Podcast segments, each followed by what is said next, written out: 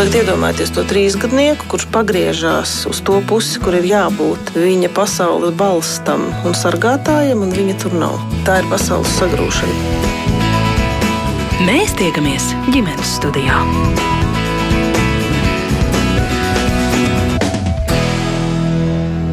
Labdien! ģimenes studija sāk savu skanējumu, un jūs sveicina šī rādījuma producente Ilza Zvaigzne un es Agnese Linka.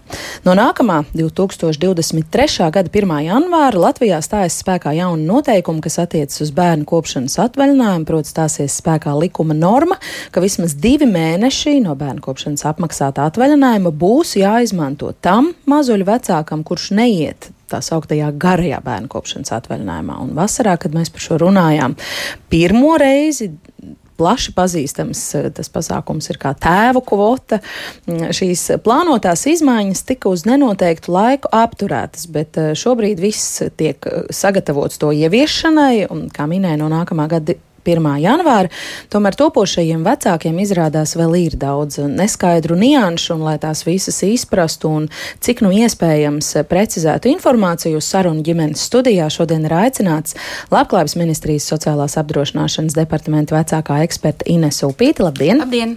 Un arī Valsts sociālās apdrošināšanas aģentūras pabalstu metodiskās vadības daļas vecākā eksperte Andrika Stretīnska. Labdien! Labdien! Un kopā ar mums ģimenes studijā palīdzēs man jautājums uzdot uzdot vai kādus, vai kādus aspektus komentēt. Šodien nākus arī Pepmāma un biedrības tēva vadītāja Elīna Kļaviņa. Sveika! Sveiki. Arī jūs klausītāji, kā vienmēr, esat laipni aicināti iesaistīties šai sarunā, jo īpaši, ja esat topošo vecāku skaitā, kurus izmaiņas varētu skart, ja jums mm, plānots, ka bērniņš dzims pēc 1. janvāra, mēs gaidīsim jūsu jautājumus. Droši rakstiet ģimenes studijā, kā vienmēr izmantojot eh, sadaļu nosūtīt ziņu Latvijas radio mājaslapā. Jāsaka, vairākas ģimenes studijas Instagram konta sekotājs, kur mēs eh, arī ziņojām, ka runāsim par šo tematu, mums uzdeva dažādus jautājumus jautājums. Un eh, starp tiem bija arī, kas tā nenododamā bērna kopšanas atvaļinājuma otrā vecāka kvota vispār ir. Un tad visiem, kas varbūt vēl par to nezina, kas tas ir un kāpēc eh, šāds jauninājums ir pieņemts un tiks ieviests. Yes. Jā, tā, e, tie ir e, divi mēneši vecāku pabalstu nenododamā daļa, kura uh, ir ieviesta pārņemot direktīvas, Eiropas padomas un parlamenta direktīvas prasības par to, ka viņu prāt abiem vecākiem būtu vairāk jāiesaistās bērnu aprūpē. Un tas nozīmē, ka no šobrīd esošā vecāku pabalsta perioda apmaksātā uh, divi mēneši e, būs jāpadalās vecākiem savā starpā un jāizmanto otram vecākam. Labā ziņa ir tā, ka saima par šo likumprojektu balsojot septembrī e, lēma, ka kopējais vecāku pabalstu periods, kas šobrīd ir pa vienu mēnesi, tiek pagarināts. Un tad no tā pagarinātā perioda tie divi mēneši būs jāpadalās ģimenē vai nu mammai, tad ar tēti, vai ir ģimenes, kur tēti izmanto šo, šo uh, pabalstu, tad ar otru vecāku. -hmm. Tas nozīmē, ka tātad no 1. janvāra bērnu kopšanas atvaļinājums Latvijā uh, ir apmaksāts maksimums 1,7 bērnu gadus, tātad vienu gadu un septiņus mēnešus.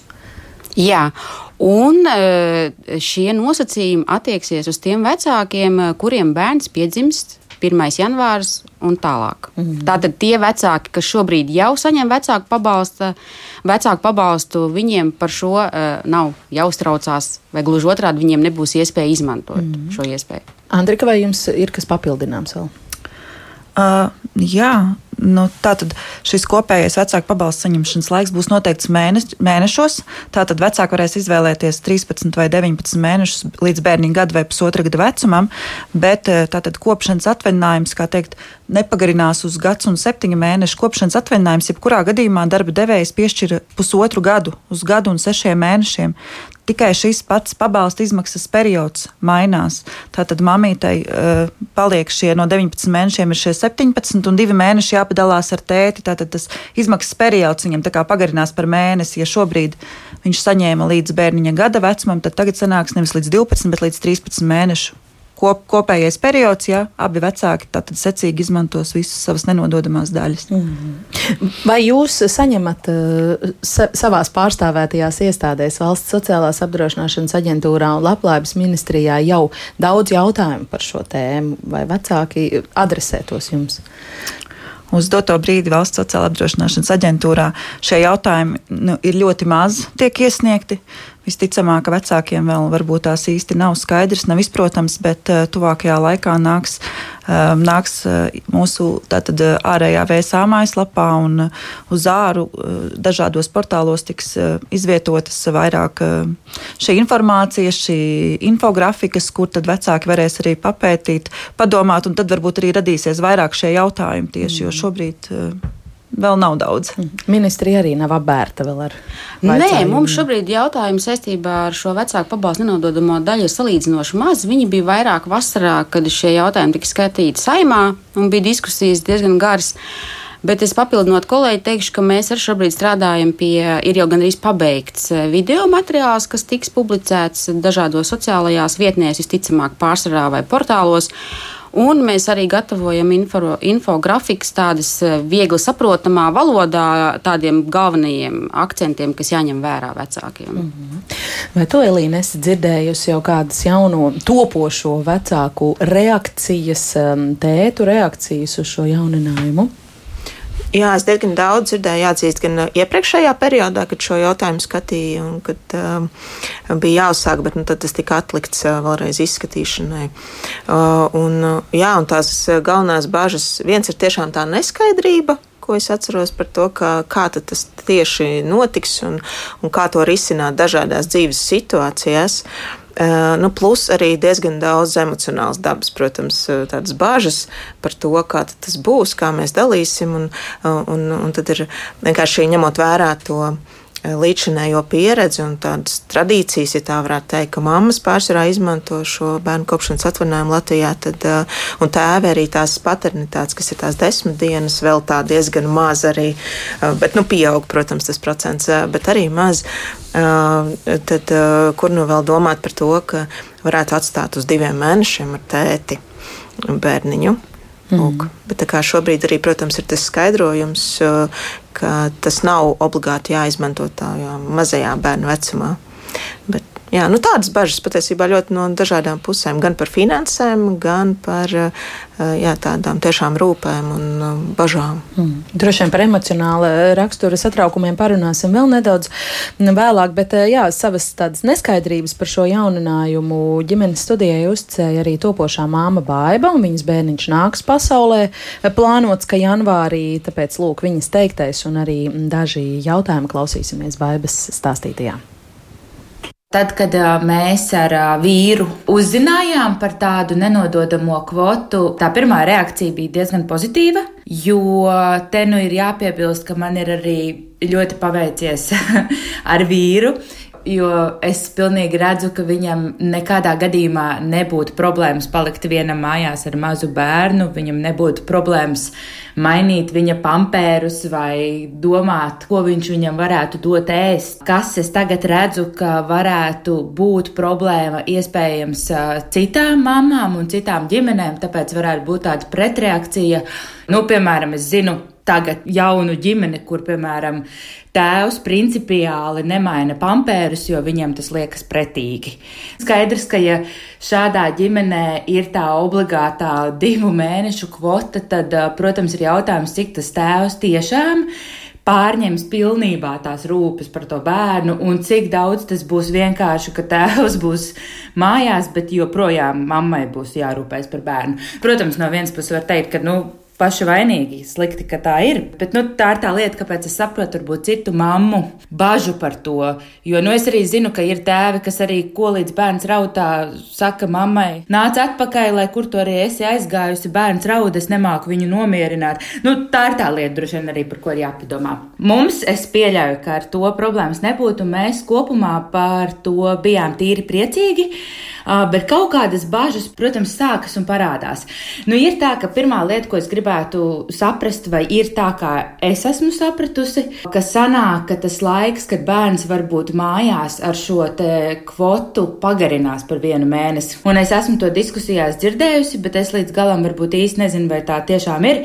Tas, ko es dzirdēju no citām diskusijām, ir tēvam ir tie divi mēneši, bet tas nenozīmē, ka tie divi mēneši kā no sākuma izskanēja, tiek atņemti mātei, bet sanāk, ka viens mēnesis ir tā kā ekstra klāt bērnam. Nu, respektīvi, ja mamma agrāk sēdēja mājās līdz bērna pusotra gada vecumam, tad tagad viņa ir līdz bērna viena gada un piecu mēnešu vecumam, savukārt tētim tad ir klātie divi mēneši, kas sanāk, ka ir par mēnesi ilgāk bērns ir mājās. Nu, tas ir tas, ko es dzirdēju kā kompromisu kad uh, par to bija diskusijas, un, un māmiņas uh, izrādīja neapmierinātību, ka viņām pa diviem mēnešiem saīsinās laiks, tad uh, citi teica, ka deputāti vai kas tur nāks pretī un tad pieliks vienu mēnesi vispārībā klāt tam laikam, kad bērns ir mājās. Tas ir noteikti jānoskaidro, jo, ja tā ir, ka tas kopējais laiks pagarinās par mēnesi, tad mēs par to esam īpaši priecīgi un uh, noteikti plānojam tad izmantot to tēva kvotu atvaļinājumu tajā brīdī, kad uh, mans uh, atvaļinājums jau beidzas un ir jādomā, kā bērnam uzsākt bērnu dārza gaitas, Un tā kā mēs visi ļoti labi zinām, ka diemžēl tā situācija ar bērndārziem visā Latvijā nav spīdoša, un pusotra gada vecumā bērns uzreiz nevar tikt bērndārzā, vai arī, ja tiek, tad tur ir noderīgs adaptācijas periods, un jārēķinās, ka to pirmo mēnesi vai nedēļas tas bērns var gan slimot, gan vienkārši gribēt mājās. Un tad mēs to visticamāk vienkārši izmantot kā labu iespēju, kā vienkārši pagarināt to laiku, lai pēc iespējas ilgāk kāds no mums var būt ar viņu kopā.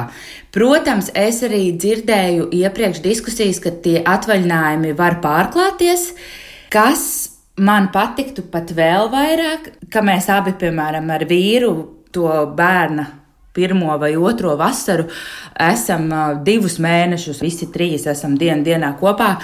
Bet tad ir atkal, protams, jautājums, kur tad es to bērnu likšu par diviem mēnešiem ātrāk. Ja tā kā mēs izņemsim paralēli tos atvaļinājumus, tad tas nemaina to lietu, ka man būs jādomā, kur to bērnu likt, kad viņam vēl nebūs pusotrs gads. Un tas ir tas, par ko ir arī noraizējušās daudzas citas mammas, jo es esmu tādā sociālo tīklu grupiņā, kur ir visas mammas, kurām bērni dzims janvārī, un tieši mēs tā tad esam janvāris, no kuras stājas spēkā jaunie grozījumi, un tur tā tad viena no tām lielajām bažām ir ir par to, jā, ka tie divi mēneši tā kā tai mammai pazūd un ir jādomā ātrāk, kā ar bērnu darīt. Un otra lieta, par ko ļoti raizējas arī mammas, ir, cik atsaucīgi būs tēvu darba devēji. Jo, ja tu aizēji dekrētā uz pusotru gadu vai gadu, tad skaidrs, ka darba devējs uh, meklē tavā vietā aizstājēju. Bet, ja tu aizēji tikai uz diviem mēnešiem, tad īsti tur nevar paspēt atrast vietā aizstājēju, jo tas nav izdevīgi, protams, tev sludināt vakanci uz kaut kādu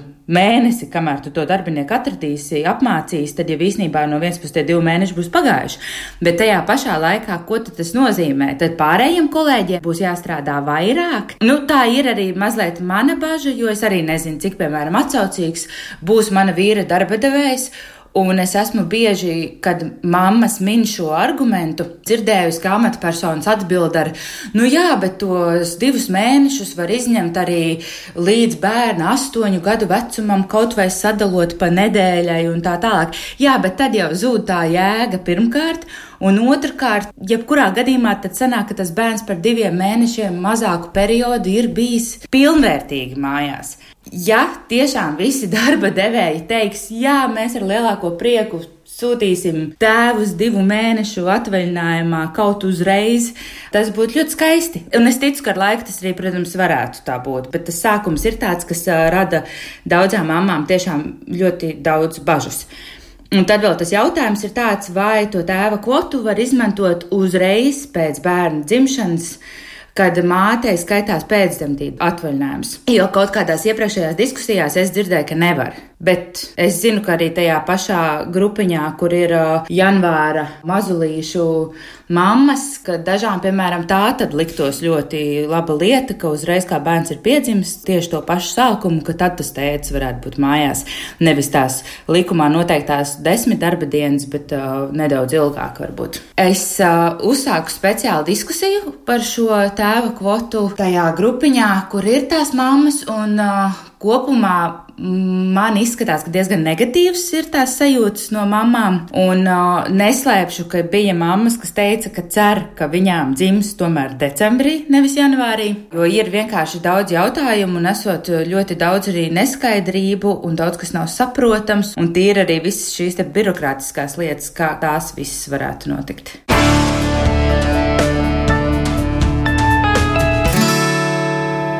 Tāds lūk, topošās eh, mammas baibas eh, jautājumu neskaidrību apkopojums. Tātad viena lieta, ko viņi pieminēja, mēs jau esam noskaidrojuši, ka būtībā bērnu kopšanas atvaļinājums šobrīd eh, no 1. janvāra, var teikt, kopumā pagarinās par vienu mēnesi.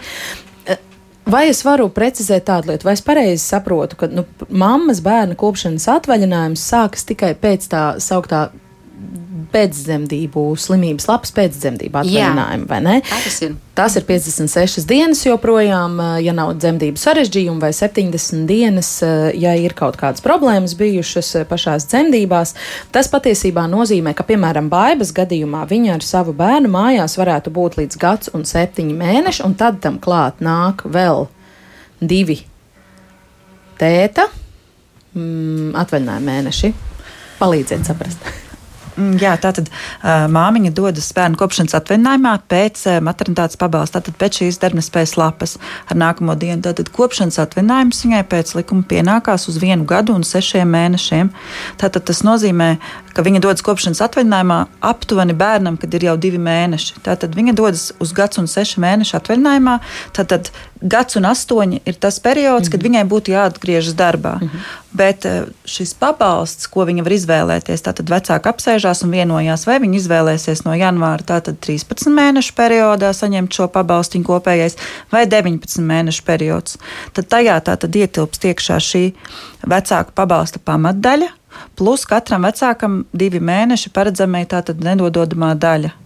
Un tas nozīmē, ka māmiņai tas māmiņa saņems to savu visu pamatdaļu un nenododamo daļu, varbūt mēnesi mazāk nekā līdz šim, bet ja tā secīgi to visu izņem visu pēc kārtas maternitāte, pamatdaļu, māmiņa savu nenododamo daļu, turpat tālāk tētis savu nenododamo daļu, tad jā, tad sanāk, ka šis apmaksātais periods iegūst par vienu mēnesi vairāk bet uh, tas kopšanas atvaļinājums kā tāds māmiņai jau nemainās. Mm -hmm. Viņai paliek tas periods, tie gads un seši līdz bērna plus mīnus gads un astoņu vecumam, kad viņai būtu jāatgriežas darbā. Mm -hmm. nu, tāpat kā man liekas, ka ir šobrīd. Jā. Ines, ir kas jāpiebilst pie šī vēl? Nē, pie šī nē. Jā. Tas nākamais, tad vai abu, bērnu, vai abu vecāku bērnu kopšanas atvaļinājumu var uh, pārklāties? Vai arī tas otrs jautājums bija, vai var izņemt uh, mammas pēcdzemdību slimības lapas uh, laikā tētis daļu no šīs savas nenododamās kvotas? Jā, tur bieži vien diskusijā sanāk jaukt atvaļinājumu ar vecāku pabalstu samaksas periodu. Mhm. Un atvaļinājumu arī šobrīd abi vecāki var izmantot vienlaicīgi, bet viņš apmaksāts tikai vienam vecākam. Tas, kurš piesakās uz vecāku pabalstu un bērnu kopšanas pabalstu. Tas jaunais ar šo nenododamo daļu būs tas, ka tētis tos divus mēnešus vai mamma e, Tātad otrs vecāks varēs izmantot vienlaicīgi ar to vecāku, kurš jau atrodas bērnu kopšanas atvaļinājumā un saņem vecāku pabalstu. Tas nozīmē, ka ģimenei būs diezgan daudz jāizdara izvēles no 1. janvārī kad viņi pieprasīs šo gan bērnu kopšanas atvaļinājumu pie darba devēja, gan arī pabalstu aģentūrā. Viņiem būs droši vien jāiz, jāizdiskutē savā starpā pirmkārt par šo periodu, to garāko vai īsāko ģimeni izvēlās. Un kad izmantot šīs uh, divu mēnešu nenodamās daļas, vai tā kā kolēģi teica, ģimene to izmanto secīgi, un tad kopumā viņi to vienu mēnesi iegūst klāt, Vai, piemēram, tētis vēlās iesaistīties bērna aprūpē uzreiz pēc bērna piedzimšanas, viņš paņem savas desmit darba dienas paternitātes atvaļinājumu un pabalstu, un uzreiz viņš var pieprasīt divus mēnešus savu vecāku pabalstu nenododamo daļu, kas būs apmaksāta. Mhm. Tātad paralēli mammas, jā, paralēli mammas maternitātes periodam. To mēs pēdējā brīdī likumprojektā iegrozījām, lai vairāk nāktu pretī un nodrošinātu lielāku to elastību. Tātad tētis var arī, vai otrs vecāks, vai mamma var savu nenododamo daļu izvēlēties, saņemt kaut kad vēlāk šajā astoņgadu periodā. tas tiešām ir jāvērtē ģimenē no iespējām. Vai ir kāds, kas var palīdzēt ar bērnu pieskatīšanu, vai ir pirmskolas izglītības iestāde, kur var bērnu jau pēc gada gandrīz uzreiz varbūt vest. Tas, tas atkarīgs no katras ģimenes. Mm. Mums ir arī jautājums uzreiz, vai vairāk tāds kā komentārs. Valdes raksta, domāju, ka daudzi tēti arī piekristu piedalīties bērnu kopšanā, bet tikai ar to nosacījumu, ka nevienu dienu nesamazinātos ģimenes kopējie ienākumi, respektīvi bērnu kopšanas pabalstam būtu jābūt 100% neto algas apmērā. Katra bērnu kopšanas dienu valstī godīgi jāatbild šo jautājumu, vajag Latvijai bērnus vai nevajag. Vai tad jūs varat komentēt, Vai ir kaut kādas arī izmaiņas attiecībā uz pabalstu izmaksu, pabalstu apmēru no 1. janvāra, vai kaut kas, kas saistīts ar otra vecāka nenododamo kvotu, vai pabalsts tiek aprēķināts tāpat? Uh, pabalsta apmērs. Uh paliks tāpat esošajā, kā jau šobrīd ir. Tātad, ja vecāki izvēlēsies īsāko laika periodu, šos 13 mēnešus kopējo periodu, tas nozīmē, ka tas apmērs būs 60% apmērā no tātad pieprasītāja vidējās iemaksas algas. Un līdz ar to arī otram vecākam viņa nenododamās daļas apmērs būs tie paši 60%, neatkarīgi no tā, kurā periodā līdz tam bērna 8 gadu vecumam viņš šo savu nenododamo daļu pieprasīs. Mm -hmm. Un, attiecīgi, ja vecāki izvēlēsies šo garāko periodu uz 19 mēnešiem, tad šis pabalsta apmērs būs tie paši 43,75% apmērā kā ir arī šobrīd. Ja, Tas ir no neto vai bruto algas atgādiniet, lūdzu. Tas ir no bruto algas. Jā. Tā tad. Nu, jā. Vēl kaut kas, kas attiecās uz kaut kādām izmaiņām? Izmaiņas skars no 1. janvāra tos vecāku pabalstu saņēmējus, kuri uh, arī šobrīd jau saņem vecāku pabalstu un turpina strādāt, neatrodas bērnu kopšanas atvaļinājumā. Šobrīd viņi saņem tātad 30% apmērā no piešķirtā pabalsta apmēra ar 1. janvāri. Viņi saņems 50%, nevis -hmm. šo 30% vietā. Mm -hmm. Tas ir uz visiem, gan uz šī brīža esošajiem jau pabalstu saņēmējiem, gan uz jaunajiem. Uz strādājošajiem, jā. Inet uzreiz lūdzu precizējumu. Tātad, ja tētis paņem savus divus mēnešus, kamēr māma ir uz pēcdzemdības slimības lapas, tad sanāk, ka finansiāla ģimene vismaz nezaudē otra vecāka ienākumus noteiktajā apjomā, vai pareizi viņi ir sapratusi. Vai, ja tētis paņem savus divus mēnešus, kamēr mamma ir uz pēcdzemdības slimības lapas, vai sanāk, ka finansiāli ģimene nezaudē otra vecāka ienākumus noteiktajā apjomā? Uh, tātad šajā gadījumā, kamēr māmiņa saņem savu maternitātes pabalstu, kas ir maternitātes pabalsts tātad ir 80% apmērā no māmiņas uh, vidējās iemaksas algas. Mhm. Uh, šajā gadījumā būs noteikti tā, ka vecākiem abiem būs jāapsēžas un jāvienojās, uz kādu periodu tad vispirms viņi gribēs saņemt šo kopējo vecāku pabalstu, lai mēs varētu, tātad VSA, lai varētu izvērtēt, kādā tad apmērā tētim piešķirt šo viņa nenododamo daļu. Vai tie būs 60% vai tie būs 43%, jo tas tā tad ir atkarīgs no šī kopējā izvēlētā perioda ilguma. Nu, tad, attiecīgi, ja vecāki izvēlēsies 13 mēnešu periodu, tad tētim šo nenododamo daļu aprēķinās 60% apmērā. Ja izvēlēsies to kopējo periodu uz 19 mēnešiem, tad tie būs 43,75% no tēta vidējās tātad iemaksas algas. Mm -hmm. Jā. Drusku sarežģīti šis ir arī manam nepārāk eksaktajam prātam. Es vienkārši pajautāšu, vai ir finansiāli izdevīgāk ņemt to tēta kvotu tos divus mēnešus laikā, kamēr mamma ir uz pēcdzemdību slimības labs? Burtiski tas principā nemainās. Tas nemaina apmēru, vai viņš, vai viņš šo nu, savu nenododamo daļu izņems mammas tātad maternitātes laikā, vai laikā, kamēr māmiņa saņems savu vecāku pabalstu pamatdaļu, vai pēc tam. Mm. Jebkurā gadījumā tas tiks at, at, aprēķināts attiecīgie procenti no viņa ienākumiem, nu, neskatoties, kurā periodā viņš to izmantos. Tā ir brīdī, kad viņi saņēma abi vienlaicīgi. Droši vien, ka tajos divos mēnešos ģimenei kā tādai tie ienākumi tajā brīdī būs lielāki mm -hmm. nekā tikai māmas maternitātes no, nu, pabalsts. Jā. Bet eh, jāņem vērā, ka tad atkal tas izmantošanas apmaksātais periods saīsinās galā. Mm -hmm. Ja Elīna, vai tev klausoties eh, mammas, topošās mammas eh, ierakstā stāstītajā, vai arī kolēģi teiktajā, jau rodas kādi replika, kāds replikas, kādi komentāri? Jā, nu, tā arī parādījās patiesībā tās bažas uh, par to, ko viņi ir novērojusi tajā māmu grupiņā, mm. uh, par to, ka tas ir. Es domāju, daļa no tās negatīvās attieksmes pret šo ir saistīta ar tiešām to neskaidrību kā tādu par procesu. Un tad cilvēkiem liekas, nu tad labāk vispār, nu kāpēc vajag nu, jaukt gaisu un uh, kaut ko te veidot jaunu, jo lielākoties tāpat visi ņems, ka tur būs tikai mammas ņems, un, un ko tur, tur, tur tas tētis, un nevar saprast, kāda tur tā alga tad aprēķināsies tad viņam. Es domāju, ka šobrīd tas skaidrojums bija ļoti veiksmīgs, ka tas varētu noņemt nost daļu uh, bažas un mazliet jau sākt tiešām likt domāt, kā mēs to darīsim, kā ģimene. Eh, tā grūtība ir tajā, eh, kas parādījās arī tajā baigas stāstā par to, ka uh, tā komunikācija iekšējā par tiem procesiem, kā tad mēs organizēsim to laiku pēc bērniņa piedzimšanas, tā komunikācija nereti izpaliek tādā tiešām nu, tādā padziļinātā līmenī, ja tā varētu teikt. Pašu vecāku starpā. Jā, pašu vecāku starpā tieši tā, ka mēs pieņemam automātiski, ka tas ir mammas pienākums parūpēties par bērnu tajā pirmajā pusotra gada laikā, un, un tas ir viņas atvaļinājums, to arī sauc par mammu atvaļinājumu vēl joprojām, un arī tie vārdi, kas tur tika izmantot, izmantot, ko viņa teica, mamām tiks noņemts, bet tas nekad nav, man liekas, vēsturiski arī Latvijas arī visā likumdošanā aprakstīts kā māmu atvaļinājums. Tas ir vecāku bērnu kopšanas atvaļinājums. Ja? Un, labi, mēs varam strīdēties par vārdu atvaļinājums, bet lai, lai jau paliek, mammas sēž mājās ar bērniem. Sēž, jā, un tagad sēdēs arī teica, un tur bija tā otra daļa, ko es vēl sadzirdēju, ne, viena no daļām, nevis otra, par uh, darba devēju pusi. Kas, manuprāt, ir jāuzsver. Jā, tās varētu būt bažas tieši par šiem diviem mēnešiem. Zviedrijā ir 90 dienas, nevis 60 dienas. Piemēram, tas jau kaut ko iespējams maina, bet jebkurā gadījumā arī Es arī kā biedrības tēva vadītāja, protams, saskatu tur tikai labus ieguvumus ilgtermiņā. Īstermiņā tas ir grūti aptvert un, un rodas daudz uh, pretreakciju, bet um, ilgtermiņā mēs skatīsimies līdztiesīgā gan uz sievieti, gan uz vīrieti. Tā kā arī ņemot darbā darbinieku. Uh, nu, tad šobrīd arī vīrieši būs riska grupa. Es rādu pēdiņās jā, par to, ka viņam var piedzimt bērns. Ak, nē.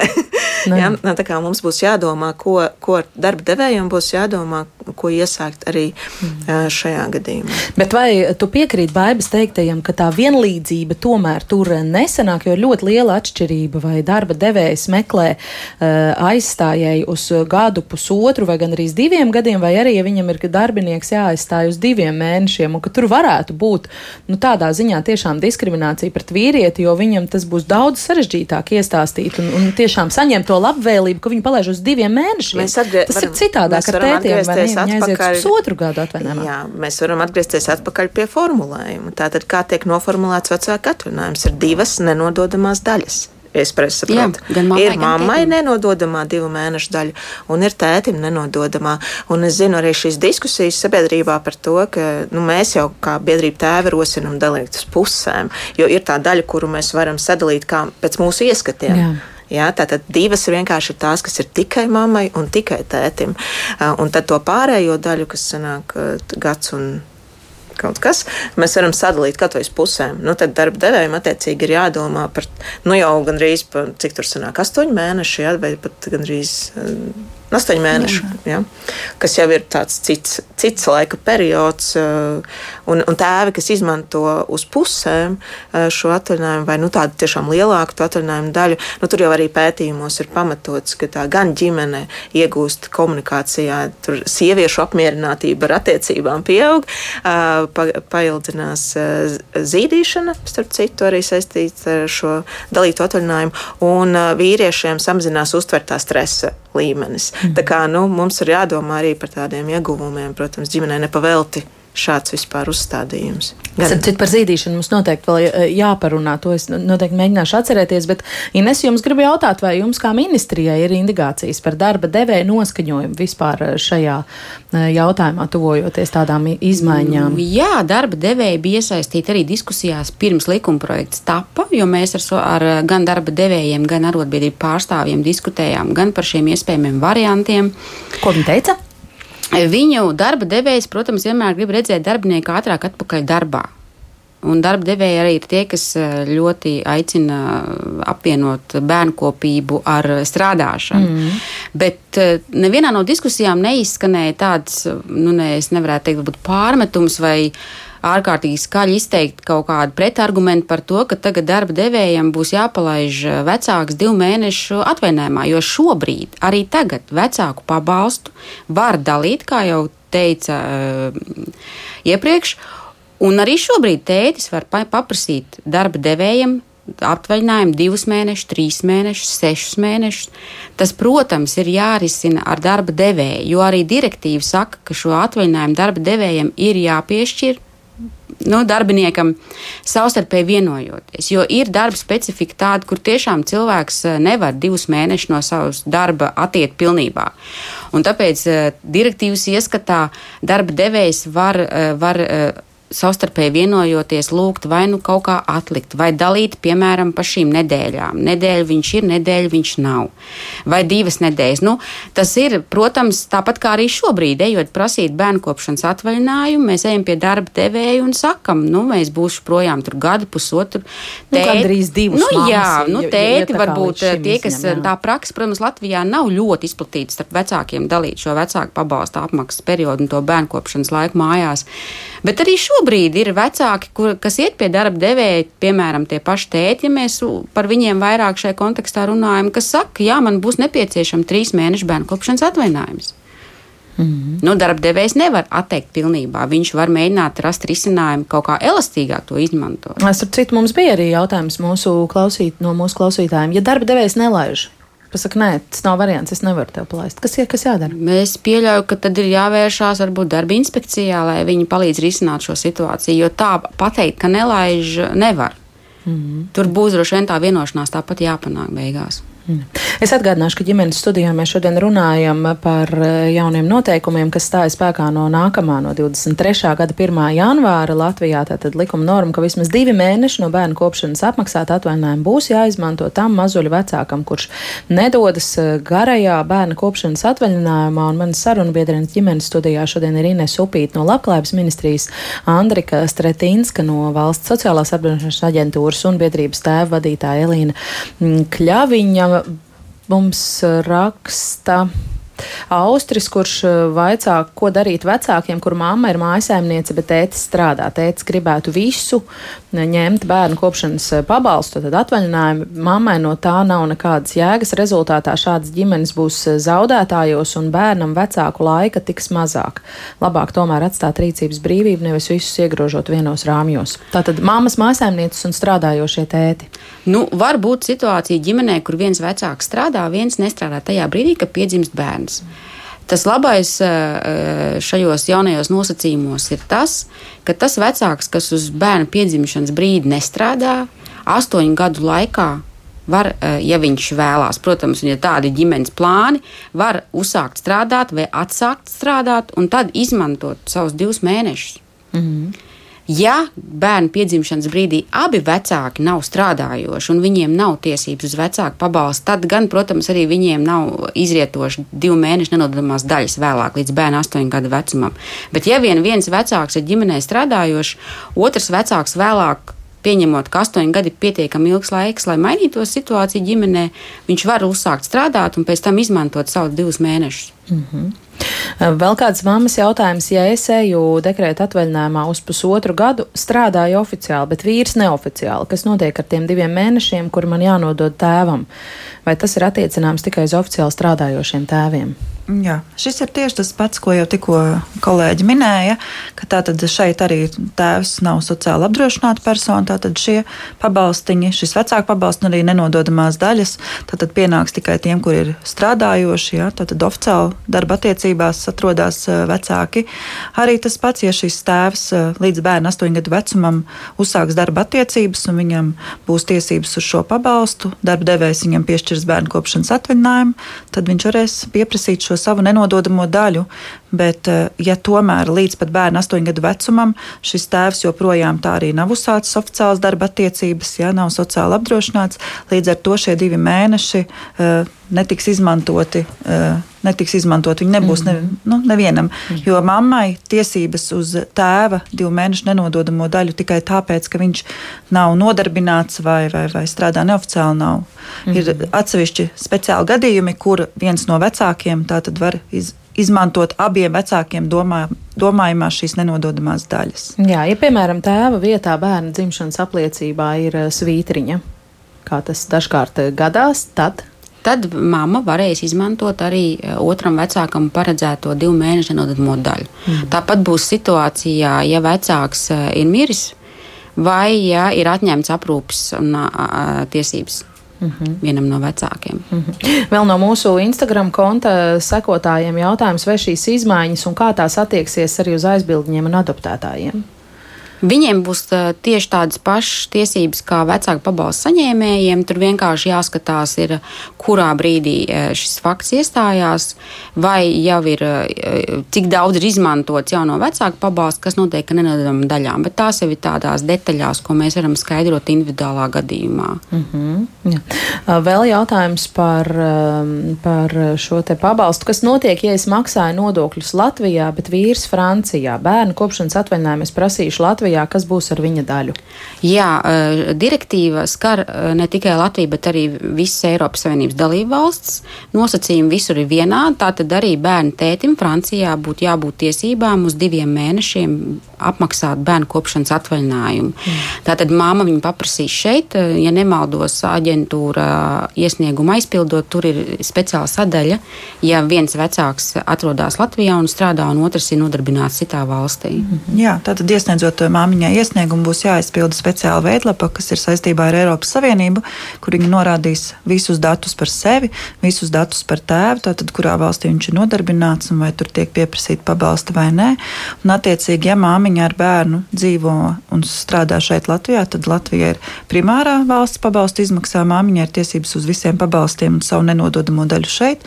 Un, attiecīgi, tēvs var pieprasīt vērsties tātad Francijas kompetentajā iestādē un pieprasīt viņam tur pienākošos pabalstus un šo nenododamo daļu. Mm -hmm. Nolasīšu nedaudz garāku komentāru no kādas mūsu klausītājas, kas attiecas uz Elīnas pieminēto zīdīšanu. Tad par to arī, arī no mājaslapas klausītāja šobrīd mums uh, raksta.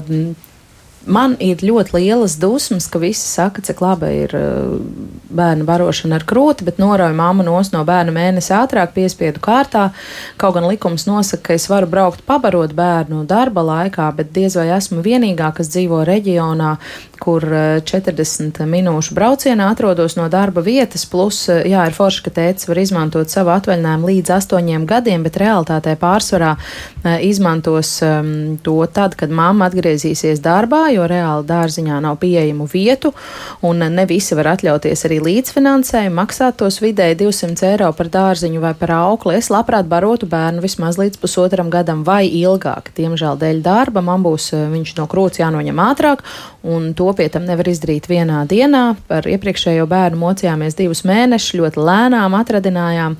Tagad sanāks to darīt vēl mm, agrāk. Un mm, šīs mm, klausītājas prāt arī šādā vecumā māma pārsvarā ir viss tas, ko vajag mazajam. Tētis ir labi, bet māmu aizvietot ir šādā vecumā pagrūti. Ja vien tētis nav bijis ar mazo kopā mājās visu bērnu kopšanas uh, atvaļinājumu. Nu, tie divi aspekti. Māma ir neaizvietojama bērnam līdz gada, līdz pusotra gada vecumam, un uh, tiešām zīdīšanas uh, aspekts, Elīna, ko tu par to nu, jā, saki? Par to, jā, par to neaizvietojamību, tad uh, patiesībā tas ir nosacīti arī Tad, tad, kas ir mēs kā biedrība tēva arī par ko iestājāmies? Protams, par tēva pēc iespējas ātrāku, nu, gan grūtniecības laikā, gan dzemdībās, gan pēcdzemdībās, gan uh, bērna dzīves sākumā iesaistīšanos bērna aprūpē, cik nu iespējams līdzīgās daļās. Tas nozīmē, ja arī viņš dodas uz darbu, uh, tad, uh, tad viņš nāk mājās un, un tās rūpes tiek dalītas tajā laikā, kad uh, ir abi vecāki mājās. Uh, par zīdīšanu. Um, Es zinu, ka situācijas mēdz būt dažādas, kā pepmāma, protams, un, un tas ir atkal jārisina individuāli. Bet tas, ko mēs arī kā pepmāmas un ko zīdīšanas konsultanti parasti iesaka apdomāt vecākiem, tātad darba atsākšana nenozīmē zīdīšanas pārtraukšanu. Tas nav tā kā ja tu ej uz darbu, tad tev ir obligāti jāpārtrauc zīdīšana. Un tas pat nav saistīts ar to, ka, tad, nu, ka tev būtu jāskrien pa dienu mājās, uh, bet tikpat labi tu vari uh, gan uh, darīt, un, un šeit atkal atrunē, es zinu, ka ir dažādas situācijas, bet var atslaukt uh, pieniņu arī darba vietā, ko pēc tam atnes mājās. Tādā veidā var organizēt šo lietu, uh, vai arī uh, uz, uz to laiku, kas jau ir tuvāk tam gada vecumam, uh, tad tā Mm, vajadzība varētu būt no rīta, vakarā, eh, ko mamma var eh, sniegt bērnam. Jā, kā, un, un zīdīšanu vispār tiek ieteikts jau līdz divu gadu vecumam uzturēt. Eh, nu, tā Pasaules veselības organizācija iesaka. Mm. Un tas nenozīmē nu, tādu pavisam uh, ekskluzīvu. Jā, tad, uh, jau ap gada vecumu bērns sāk uh, lietot gan piebarojumu, gan arī var lietot šo atslaugto pieniņu. Tā kā mm -hmm. situācijas ļoti dažādas, vienkārši jāvērtē individuāli. Un, uh, es ieteiktu noteikti tādās ļoti striktās kategorijās, tikai tā vai tikai šitā, arī neskatīties. Ko arī patiesībā atkal paredz šis uh, bērnu kopšanas atvaļinājums, ka tur, nav, ka tur ir tiešām jādomā līdzi un jāapskata dažādi varianti mm -hmm. vecākiem. Jā. Nu, varētu teikt, ka mēs esam atbildējuši arī uz Austriju jautājumu, jo viņš eh, vaicāja, ko tad tagad darīt mamām, kas grib pēc iespējas ilgāk savus mazuļus zīdīt, vai tiks pazaudēti divi mēneši, un viņš arī piebilst, ka atslaukt nenozīmē zīdīt. Protams, kontakts ir ļoti, ļoti svarīgs. Bet atkal varam teikt, bērnam ir piesaistīts persona jau pēc astoņu mēnešu vecuma. Nāk klāt arī tēvs, un, ja viņš ir iesaistīts bērnu aprūpē, attiecīgi mierinājumu viņš var arī saņemt no tēta rokām un, un siltumu un tūmu. Mm, jā. Normunds komentē par darba devējiem viņi vienkārši var pateikt, es jūs atlaižu, man tāda žoga ir daudz, un parasti tā notiek celtniecībā. Viņš saka, nu, tas pats ieteikums tikai un vienīgi darba inspekcija. Nu, ja nevar risināt nekādā ceļā ar darba devēju un nav iespējams vienoties par kaut kādu elastīgu izmantošanu un nākt pretī arī varbūt no savas puses kaut kā darba devējiem, saprotot, ka tur ir problemātika, nu jā, jā, Bet tajā pašā laikā ir jau arī, es negribu aģitēt, tagad, kad jāiet, jāmaina darbs, bet ir jau arī darba devēji, kas meklē kā reiz darbiniekus un iespējams tur novērtēs to, ka un sniegš šo iespēju aiziet mm. atvaļinājumā. Par to žogu ļoti tā, tas izklausās pēc. uh, vienkārši, nu, tāpēc, ka datos mēs redzam, ka tomēr darba devēja trūkst visur. Un, darba ņēmēji, jā. Darba ņēmēji, es atvainojos, jā, tā kā nav tik, tas tikai tāda runāšana. Mm -hmm. Vairāk. Jā. Kaspars raksta, ka pēc dažām nedēļām viņš dodas piecu mēnešu ilgā tēva atvaļinājumā. Piekrītu tam, ka indeksēts pabalsts 100% darba algas apmērā būtu motivējoši, bet ir bur viena burtiski noziedzīga lieta. Kamēr es esmu šajā atvaļinājumā, iemaksas, piemēram, otrajā pensiju līmenī veiktas netiek. Nav jau arī tā, ka darba devējs ir par šādām ilgstošām prombūtnēm sajūsmā. Mm, Andrika, vai jūs varat apstiprināt, ka tā arī ir un kāpēc tā situācija tāda, kā raksturo klausītājs? Nu, jā, tās iemaksas ir tā, ka um, attiecās uz to, kurš šo vecāku pabalstu tātad, tātad, uh, kurš izmanto šo vecāku pabalstu un kuram tas tiek piešķirts, par to tiek veiktas visas šīs iemaksas. Attiecīgi, ja māmiņa ir uh, nestrādājoša viņa tātad uh, neņem šo pabalstu, kaut gan tāpat laikā viņa varētu uz sevi noformēt tikai šo bērnu kopšanas pabalstu, kas ir līdz bērnam pusotra gada 171 eiro mēnesī, tad par viņu tiktu veiktas iemaksas un viņa būtu apdrošināta tālāk gan bezdarba gadījumam un, un, un, visam pārējiem, bet lielākoties vecāki tomēr izvēlās, jo viņiem ir nepieciešami šie finanses līdzekļi, kad eh, šīs nestrādājošās māmiņas paliek neapdrošinātas un šie tēvi mm, ņem šos pabalstus eh, uz sevi kārto. Jā. Līdz ar to viņi, viņi ir apdrošināti no valsts mm -hmm. visam. Jā, Kristaps vaicā, sakiet, lūdzu, no kura datuma tas tēva pabalsts stājas spēkā, ja bērniņš dzimis 2022. gada 20. februārī. Nu, tad droši vien jāatkārto, ka tas attiecas tikai uz, uz tiem, tiem bērni, uz tiem vecākiem, kam bērniņš piedzimst 1. janvārī un uz priekšu. Tātad, mm. ja bērns ir piedzimis šogad, vecākiem, uz vecākiem šie jaunie nosacījumi neatiecās. Mm -hmm. Tad līdzīgi arī uz šo jautājumu pie reizes varam atbildēt. Esmu bērnu kopšanas atvaļinājumā bez pabalsta no 2022. gada 6. jūnija līdz 2023. gada decembrim. Vīrs trīs mēnešus bija bērnu kopšanas atvaļinājumā ar pilnu pabalstu un no 22. gada septembra atsāka strādāt un saņemt 30%, kā izmaiņas ietekmēs mūsu Atbilde nekā. Neietekmēs. Jā. Nē, vienīgi, ja tēvs turpinās saņemt vecāku pabalstu arī pēc 1. janvāra un strādāt, viņam būs lielākā apmērā šis izmaksātais pabalsts. Mm -hmm. uh, Nils uh, saka, ka mēs minējām, ka vecākiem pirms bērniņa piedzimšanas kārtīgi būs jāplāno, kurš cik daudz, kurā brīdī dosies bērnu kopšanas atvaļinājumā, lai informētu iestādes. Bet kas notiek, ja kādi ģimenes apstākļi mainās un pēc gada mēs saprotam, ka atlikušajā daļā būtiski vajag mainīt plānus, vai tas būs iespējams? Iespējams. Protams, tāpat kā līdz šim arī turpmāk vecāki savā starpā noteikti varēs mainīties ar šo pabalstu saņēmēju, saņem, saņēmēju savā starpā. Tātad, ja kādu brīdi, teiksim, pabalstu ir saņēmusi māmiņa, māmiņai ir nepieciešams atgriezties darbā vai, vai mainās šī situācija, tad, protams, viņa varēs atteikties no turpmākās šīs pabalstu saņemšanas un tālāk pabalstu saņemt tētis. Vienīgais, protams, nekādā veidā nevarēs tikt mainīts šis jau izvēlētais pabalstu saņemšanas periods attiecīgi, un līdz ar to arī pabalsta apmērs. Ja vecāki sākotnēji būs izvēlējušies šo pabalstu saņemt tātad uz īsāko laika periodu, 13 mēnešiem, tad pie pabalstu saņēmēja maiņas tas paliks tādā pašā periodā, tādā pašā apmērā. Mm. Jā, bet savstarpēji viņi jā, varēs mainīties. Mm -hmm. Nu jā, nav noslēpums, ka Latvijā vīrieši caurmērā pelna vairāk, bet eh, vai ir kāda aprēķina? Jo es atceros, ka vasarā ļoti daudz mums bija jautājumu par to, ka precīzāk iebildes pret eh, šo jaunievedumu, jo ļoti daudz rakstīja, ka tas ļoti pasliktinās mūsu ģimenes finansiālo situāciju. Vai jums ir eh, kāda aprēķina, piemēram, par kādu apmēru krītas ienākumu tēvam izmantojot bērnu kopšanas atvaļinājumu divus mēnešus vai vairāk? Nu, jo it kā tie 40 47,75% izklausās dramatiski maz.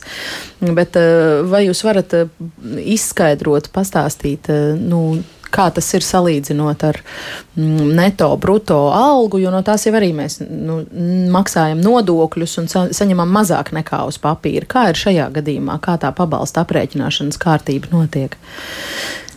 Mm, pabalsta aprēķināšanas kārtība paliek tāda pati līdzinājā, viņa aptuveni nemainās. Tā tad Vai jūs varat piekrist, ka, ja, piemēram, tēvs, kurš ir vairāk pelnošs ģimenē, uh, izmanto divus mēnešus vai vairāk bērnu kopšanas atvaļinājumu, ka ļoti, ļoti pasliktinās ģimenes finansiālā situācija? Nu, tā nevajadzētu būt, jo izreikinot procentuāli no visiem ienākumiem, kas cilvēkam bijuši 12 mēnešu periodā pirms tam, kur iekšā ir viss kaut kāds, ja cilvēkam piemaksas prēmijas, kaut kādi citi ienākumi, tātad tas viss tiek ņemts vērā.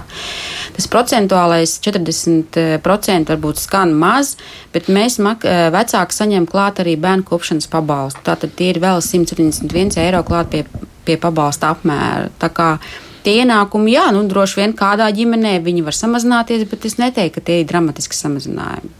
Mm -hmm. Andrika? Jā, droši vien piekritīšu. Tas ir atkarīgs nu, jā, no ģimenes, atkarīgs no situācijas, droši vien attiecīgās. Bet, mm -hmm. Elīna, vai tev ir kādas replikas par šo? Jā, es, es varu atsaukties uz savu pieredzi, ko es atceros. Tas, protams, bija uh, senāk un tā, bet uh, tagad jau tie nosacījumi vēl ir veiksmīgāki nekā tur kaut vai tos 8, 9 gadus atpakaļ, kad es pēdējo reizi izmantoju šādas iespējas. Uh, tad, uh, Es ieteiktu tiešām pareiķināt un ņemt vērā. Es domāju, ka tā uh, mm, tas mulsums starp neto un bruto vēl joprojām cilvēks mulsina. Un atceramies, ka tā runa tiešām ir par sociālo iemaksu augu. Tas nozīmē, ka tiek skatīta, jūs saņemsiet vidējos to summu par 12 mēnešiem un tos 40. 3,75 par no tās algas, tātad, kas bija uz papīra, nevis uz rokas. Tas ir jāsaprot. Un tad īstenībā eh, tas jau vairs nav tālu no tā, eh, ko mēs esam saņēmuši uz rokas. Un tas, man liekas, atkal tāda skaidrība, eh, kas ir jāiegūst. Es saprotu, ka ir arī dažādi kalkulatori. Es atceros, kādreiz bija droši vien šobrīd arī iespējams parēķināt, paspēlēties ar tiem cipariem un ģimenē tiešām kopā piesaisties un aprēķināt, kas mums būs visizdevīgākais. Un tad skatīties, jā, jo lai arī tie ienākumi, piemēram, samazinās, samazinās uh, par kaut kādu procentu, un jāņem vērā arī izdevumi, kas rodas uh, ejot uz darbu, uh, tā kā uz to periodu. Tā kā, nu, tiešām tur tāda, nu, bet tas ir tāda finanšu plānošana un budžetēšana, kas ģimenei ar bērniem ir jāveic mm. kaut kādā līmenī noteikti. Nu, tas nemaz nav mazsvarīgi, jā. jā. Visbeidzot, tuvojoties mūsu sarunas noslēgumam, es gribētu, Elīna, arī tev pavaicāt, ko tu teiktu, ieteiktu, kā domāt vai ko darīt vai kā nomierināt tās mammas, kuras, kā Baiba iepriekš redzījuma sākumā ievadā teica, ka, nu, tā, ka viņai liekas, ka tās sajūtas no ļoti daudzu māmu puses par šo jaunievedumu ir vairāk negatīvas, un tas ir tajos gadījumos, kad sievietēm šķiet, ka mans partners nevarēs pilnvērtīgi parūpēties tiešām par bērnu, ka viņš tam nav radīts, un, un, un, un tas vispār būs ļoti briesmīgi. Es eh, vēlreiz iesaku sarunas, es iesaku mamām runāt par savām bažām, uh, vienalga publiski, savos uh, fórumiņos, un čatos un, un diskusiju grupās ar draudzenēm, ar mamām, ar prasīt padomu iestādēs, noskaidrot visu. Bet es iet, iesaku arī tētiem skaļāk runāt par to, ko viņi vēlas, un, un runāt ģimenē savstarpēji, jo tas, kas, ko rāda mūsu, ko, nu, ko mēs esam sastapuši tēti, kur ir izmantojuši bērnu kopš kopšanas atvaļinājumu. Nu, tur ir viena vienīga nu, ieguvumi, un, uh, jo mēs iegūstam tomēr to reālo bildi par to, ko tas nozīmē uh, būt uh, bērnu kopšanas atvaļinājumā, rūpēties par mazulīti un tā saikne, ko visi tēti atzīst par to, kas izveidojas, un arī tās prasmes. Vēlreiz atkārtošu, katru reizi šajā vietā sēžu un atkārtoju. Tās ir iemācītas prasmes, rūpēties par bērnu. Tas ir kaut kas tāds, ko mēs mācāmies procesā. Uh, gan zīdīšana, gan jā, tas ir bioloģiski noteikts, ka mēs to varam izdarīt, bet kā tas notiks un, un, un viss kopā, eh, tās rūp, nomainīt pamperi, paēdināt, uztaisīt ēst, tās ir iemācāmas prasmes eh, cilvēkam un neatkarīgi no dzimuma. Eh, tā kā vēlreiz šo atkārtot visiem rītā un vakarā un kopā domāt, kā tad mēs šo visu organizēsim. Tiešām tādu komunikāciju veikt, jo nereti pēc bērnu piedzimšanas ģimene, kur ir bijusi ļoti nu, tāda, kas visus pusēm dala, tur, kurš taisīs vakariņas, ai es šovakar, nē, nu tad es, vai nu kaut kā dala tā savstarpēji runājot un abi māk uztaisīt ēst, tad pēc bērnu piedzimšanas nereti gadās tāda automātiskā plānošana, kas sieviete uz uzņemās visu šo lomu, tāpēc, ka viņa sēž mājās. Un tas ir ļoti bīstami sievietes veselībai, kas par ko mums Latvijā ir jādomā kopumā. Nu tā, tā kā komunikācija, sarunāšanās un plānošana notiek. Uz šīs pozitīvās nots. es teikšu paldies, paldies par jautājumu atbilžu maratonu ģimenes studijā. Šodien Labklājības ministrijas sociālās apdrošināšanas departamenta vecākajai ekspertei Inesei Upītei, arī valsts sociālās apdrošināšanas aģentūras pabalstu metodiskās vadības daļas vecākajai ekspertei Andrikai Stretinskai un eh, Pepmāmai un biedrības tēvī vadītājai Elīnai Kļaviņai. Un radījumu šodien veido Ilza Zvaigzne, Katrīna Bramberga, Iesagnes Linka. Rīt ģimenes studijā mēs interesēsimies par to, kāpēc eh, joprojām spēkā ir tā prasība, ka pēc slimošanas bērnu izglītības iestādēs var atgriezties tikai ar ārsta zīmi. Jo nav jau noslēpums, ka šīs zīmes lielā skaitā gadījumu tiek izrakstīts tikai vecākiem ar ārstiem sazvanoties vai sazinoties attālināt, un arī paši ģimenes ārsti izrādās rosina kādas izmaiņas, sakot, ka šādi tiek nevajadzīgi noslogots viņu prakses un tērēts gan mediķu, gan vecāku laiks, taču jautājums, kā mazināt situācijas, kad izglītības iestādē ierodas bērni, kas aplipina citus, paliek atvērts un ļoti aktuāls arī daudzās ģimenēs. Sevišķi tagad vīrusu sezonai apgriezienus uzņemot, tātad tas ģimenes studijā rīt, kā vienmēr no diviem līdz trījiem. Klausieties mūs arī podkāstos, mobilajā lietotnē un sekojiet sociālos tīklos uz sadzirdēšanos.